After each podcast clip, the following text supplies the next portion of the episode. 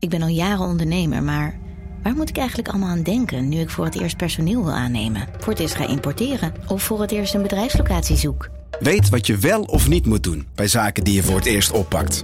Check kvk.nl voor praktische stappenplannen. KVK, hou vast voor ondernemers. Al 125 jaar kwaliteit voor jou thuis met Miele. Dat vieren we met jou. Ontvang nu tijdelijk een cashback tot 125 euro op veel Miele-apparatuur. Geniet van de kwaliteit van Miele. Voor perfect verzorgd wasgoed en kleding die veel langer mooi blijft. Voor een stralend schone vaat, even perfect als jouw diners. En een stofvrij thuis waarin echt hygiënisch schoon de standaard is. Check miele.nl voor alle feestelijke aanbiedingen. Vanaf de redactie van NRC het verhaal van vandaag. Mijn naam is Thomas Ruip.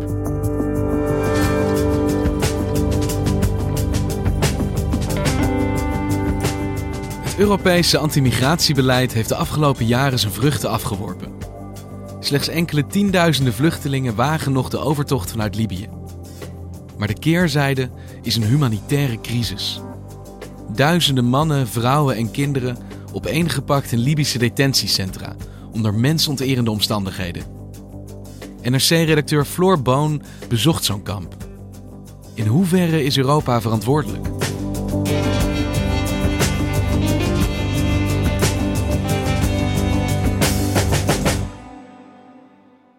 In maart was ik in Libië. Uh, ik uh, vergezelde de toenmalige staatssecretaris van Migratie en Asiel, Mark Harbers van de VVD. Die ging kijken in Tunesië en in Libië. Omdat hij ging kijken of het mogelijk is om afspraken te maken met Noord-Afrikaanse landen over migratie. I'm aware of a lot of the problems, but I want to see it for myself as well in order to find, together with the European Union and international organizations, uh, better solutions than nowadays. Floor Boon werkt op de Haagse redactie van NRC als redacteur migratie. We hadden een strak programma. We waren 24 uur in Tripoli. Maar we waren met name ook in een detentiecentrum, Tajoura. Uh, detentiecentrum is eigenlijk een mooi woord. Het is in feite een gevangenis. Een gevangenis voor wie? Voor migranten. Je moet bedenken dat in Libië is een wet die illegale strafbaar stelt. Dus op het moment dat jij daar illegaal in het land verblijft, ben je officieel strafbaar en hebben zij het recht uh, volgens de Libische wet om jou in de gevangenis te stoppen. En dat gebeurt ook. Er zitten uh, naar schatting uh, officiële cijfers zo'n 6000 mensen vast in gevangenissen, waaronder ruim 1000 kinderen omdat de politieke situatie in Libië heel erg ongewis is, zijn die centra officieel in handen van de regering van een nationale eenheid. Maar ze worden vaak ook door milities beheerd. En die worden daarin opgesloten. Zonder tussenkomst van een rechter met een ongewisse toekomst. Dus iedereen die Libië doorkruist op weg naar bijvoorbeeld Europa, uh, loopt het risico om gevangen genomen te worden en daar vastgezet te worden. Ja, die loopt het risico. Er zijn overigens in heel Libië veel meer migranten. Heel veel uh, blijven ook daar of belanden in andere hele slechte omstandigheden. Die worden uitgebuit of in andere plekken gedwongen aan het werk gezet. Ook vaak onder druk van het risico van als je niet doet wat ik zeg, dan geef ik je aan bij de autoriteiten en dan beland je alsnog in een detentiecentrum.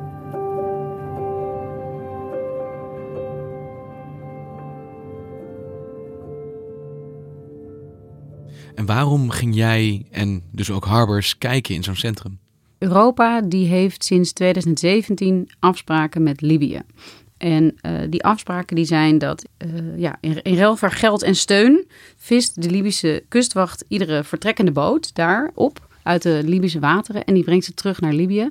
En dit is een idee van Europa om te zorgen dat er minder mensen vanuit Libië op een boot stappen en Europa bereiken.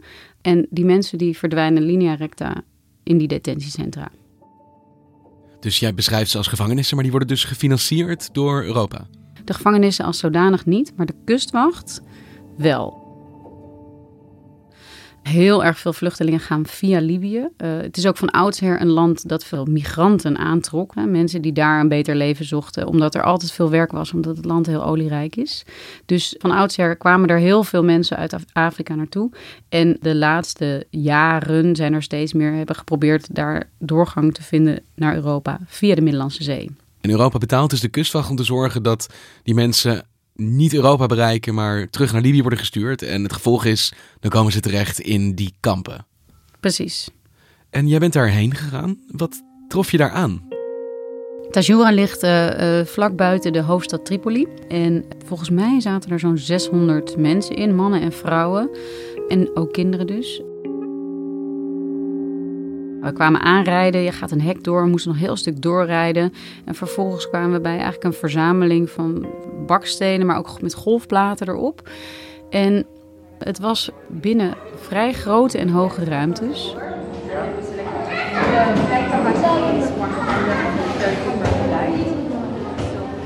Met nauwelijks spullen. Verfbladderden van de muren, paar hele dunne matrasjes opgestapeld die ze dan s'nachts uh, naast elkaar leggen om op te slapen. Heel erg veel mensen dicht op elkaar. Uh, de mannen en de vrouwen gescheiden. Uh, wanhopige briefjes op de muur geplakt met From Hell to Hell. Vaak zijn het mensen die zo al een vreselijke vlucht hebben gemaakt of een, een half gezonken zijn op een boot. Ze hebben de hel van een mislukte vlucht moeten doorstaan om vervolgens in de gevangenis gegooid te worden. En wij, wij, waren met een delegatie. En je moet je voorstellen dat Harbers, die ging voorop. Er waren mensen met hem mee, dus zijn uh, woordvoerder en iemand van het ministerie. Uh, er waren allerlei mensen die ons begeleiden. En ik kon daar relatief vrij rondlopen en proberen gesprekken te voeren met die mensen. Maar goed, die werden ook de hele tijd in de gaten gehouden door de bewakers.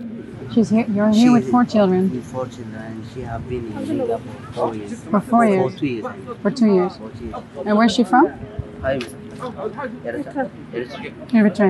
En ze vertelde dat ze heel weinig te eten kregen. Vaak maar één maaltijd per dag. Exactly with adult persons, they give macaroni. Pass. They give macaroni. It's just the same thing. No milk. So you ate, but you also you ate macaroni every day? Every, every day. Droge pasta met zout. Die kregen ook de kinderen. Te weinig of geen melk voor de kinderen. Wat ze mij niet vertelde, maar wat uit heel veel andere gedocumenteerde uh, getuigenisverslagen blijkt, is dat heel veel mensen worden gemarteld. Niet alleen daar, maar in heel veel andere detentiecentra. Ook een vrij recent rapport van de uh, Human Rights Watch uit uh, januari dit jaar beschreef dat een overgrote meerderheid van de ondervraagde vrouwelijke migranten melding maakte van verkrachtingen of seksueel geweld.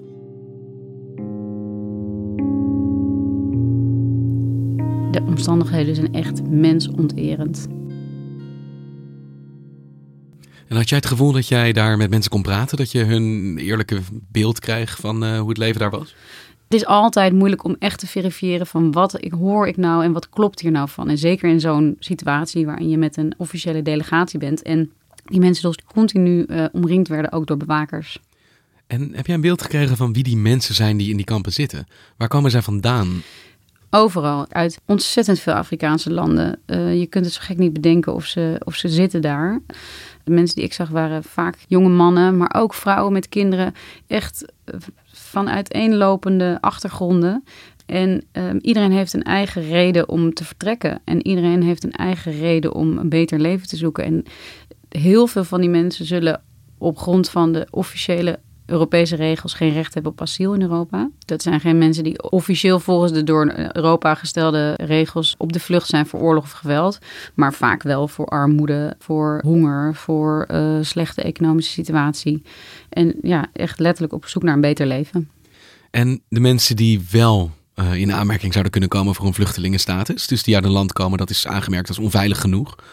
Wat gebeurt er met hen? Die belanden niet in zo'n detentiecentrum. Ja, zeker wel, want er is nauwelijks selectie. De VN-vluchtelingenorganisatie UNHCR die is actief in Libië, maar dat is echt mondjesmaat. Dat zijn echt de aller, allerschijnendste gevallen.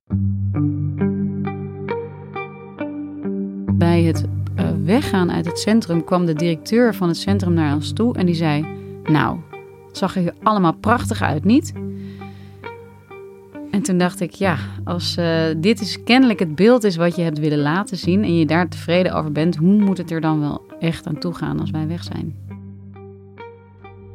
En nadat ik terug was, uh, kreeg ik een appje van een Soedanese jongen, een 22-jarige jongen, die mij berichtte en zei dat hij mij had gezien in Tajura die middag. Um, hij had jou zien rondlopen in dat kamp? Hij had mij zien rondlopen en hij uh, wilde graag contact. En het eerste wat ik deed was proberen te verifiëren wie hij was. Dus uh, ik vroeg hem welke kleur heeft mijn jas. Ik had een rode jas aan. En hij zei, je had een chique jas aan. En toen dacht ik, nee, dat is niet genoeg voor. Dat, hè, dat, dat, kan ook een gok zijn. Dus ik zei, nee, maar welke kleur was het? En toen zei hij iets anders. Hij zei, je had een veertje in je haar. En dat klopt, want ik heb een kleine hanenveer in mijn haar. Zoals dus, je ook nu hebt. Zoals ik ook nu heb. Dus hij moet mij gezien hebben. En toen wist ik dat hij daar was op dat moment. En hij vertelde dat hij en twee anderen na ons bezoek apart geroepen waren.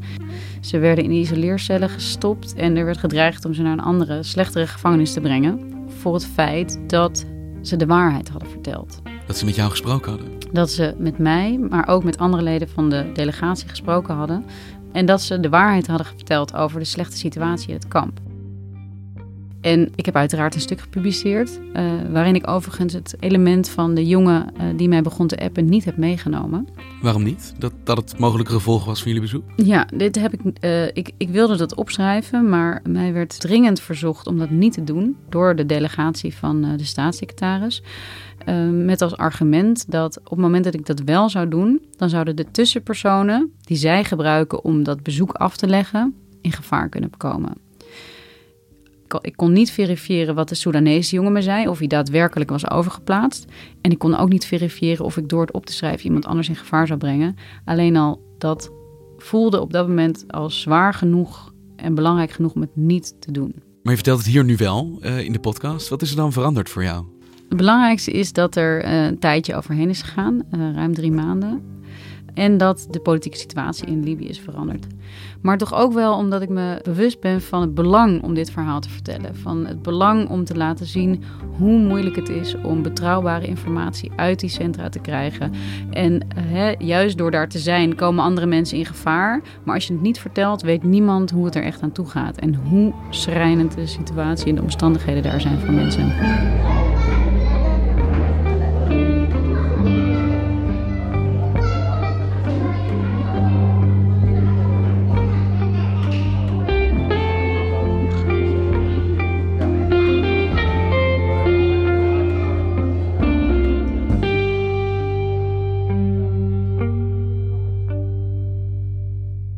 Zegt Europa financiert die detentiecentra misschien niet. Maar ze financieren wel de kustwacht die daar patrouilleert en die er dus voor, toch voor zorgt dat mensen daarin terechtkomen. Dus in hoeverre ehm, heeft Europa verantwoordelijkheid over de ja, onmenselijke omstandigheden die jij beschrijft in die kampen?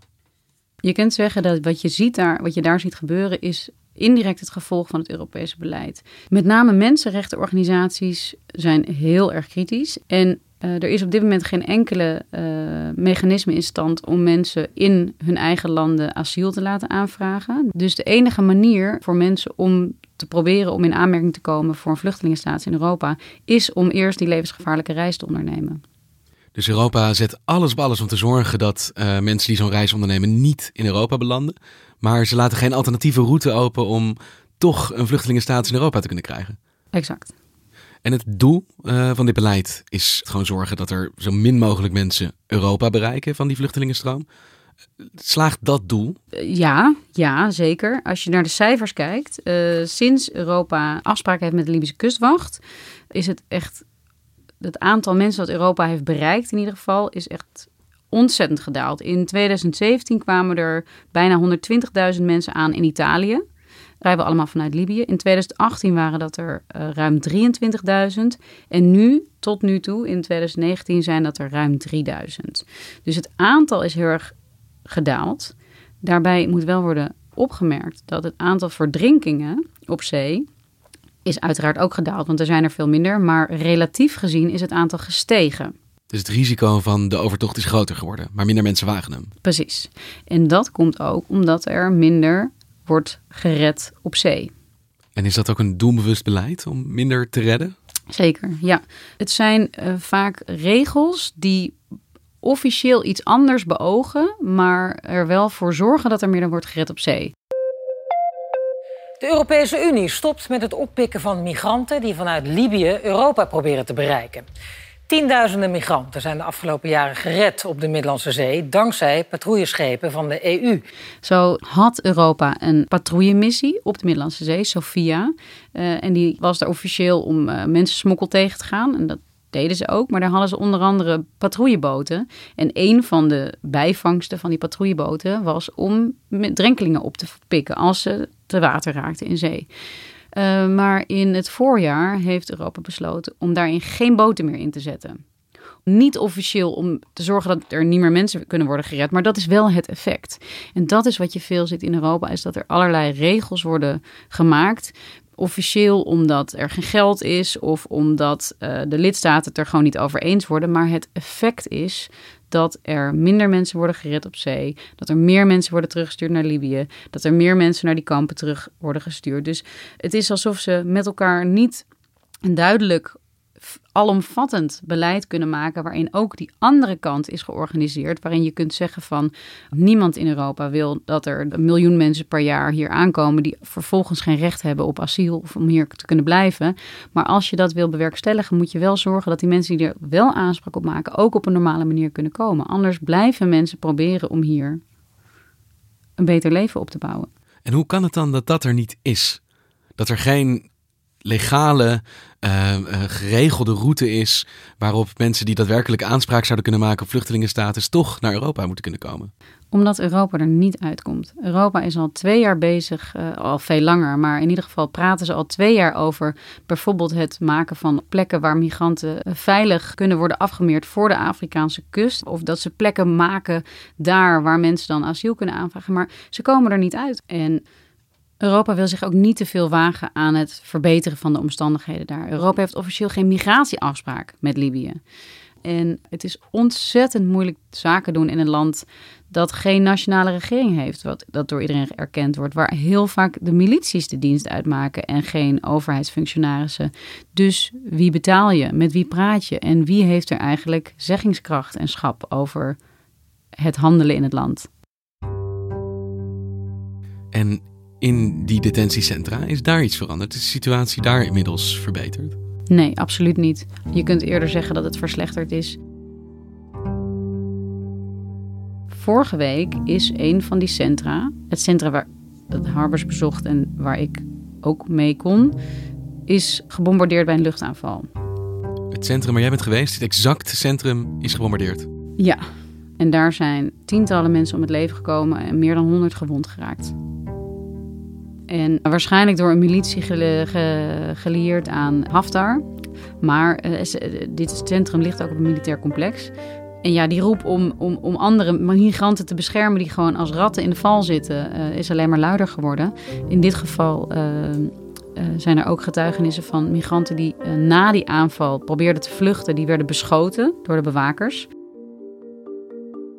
En weet jij of er mensen zijn omgekomen met wie jij contact hebt gehad? Of ik heb echt geen idee. Die jongen van de Veer, heeft die nog iets gezegd? Het is onduidelijk waar die is. Ik, uh, ik weet dat hij een uh, Frans nummer heeft. Maar ik weet niet of, of hij daar nog achter zit. En dat zou kunnen betekenen dat hij in Europa is. Maar uh, zijn lot is mij onbekend.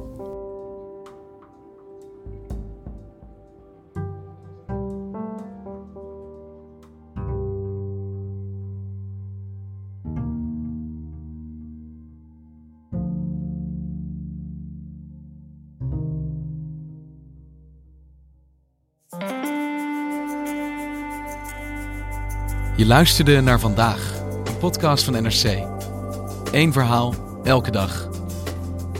Vandaag wordt gemaakt door Mirjam van Zuidam, Henk Ruigrok van der Werven, Ido Havinga, Julie Blusset, Tessa Kolen, Ruben Pest, Jan-Paul de Bond en Ivan Bremer. De muziek die je hoort is van Rufus van Baardwijk. Dit was vandaag, maandag weer.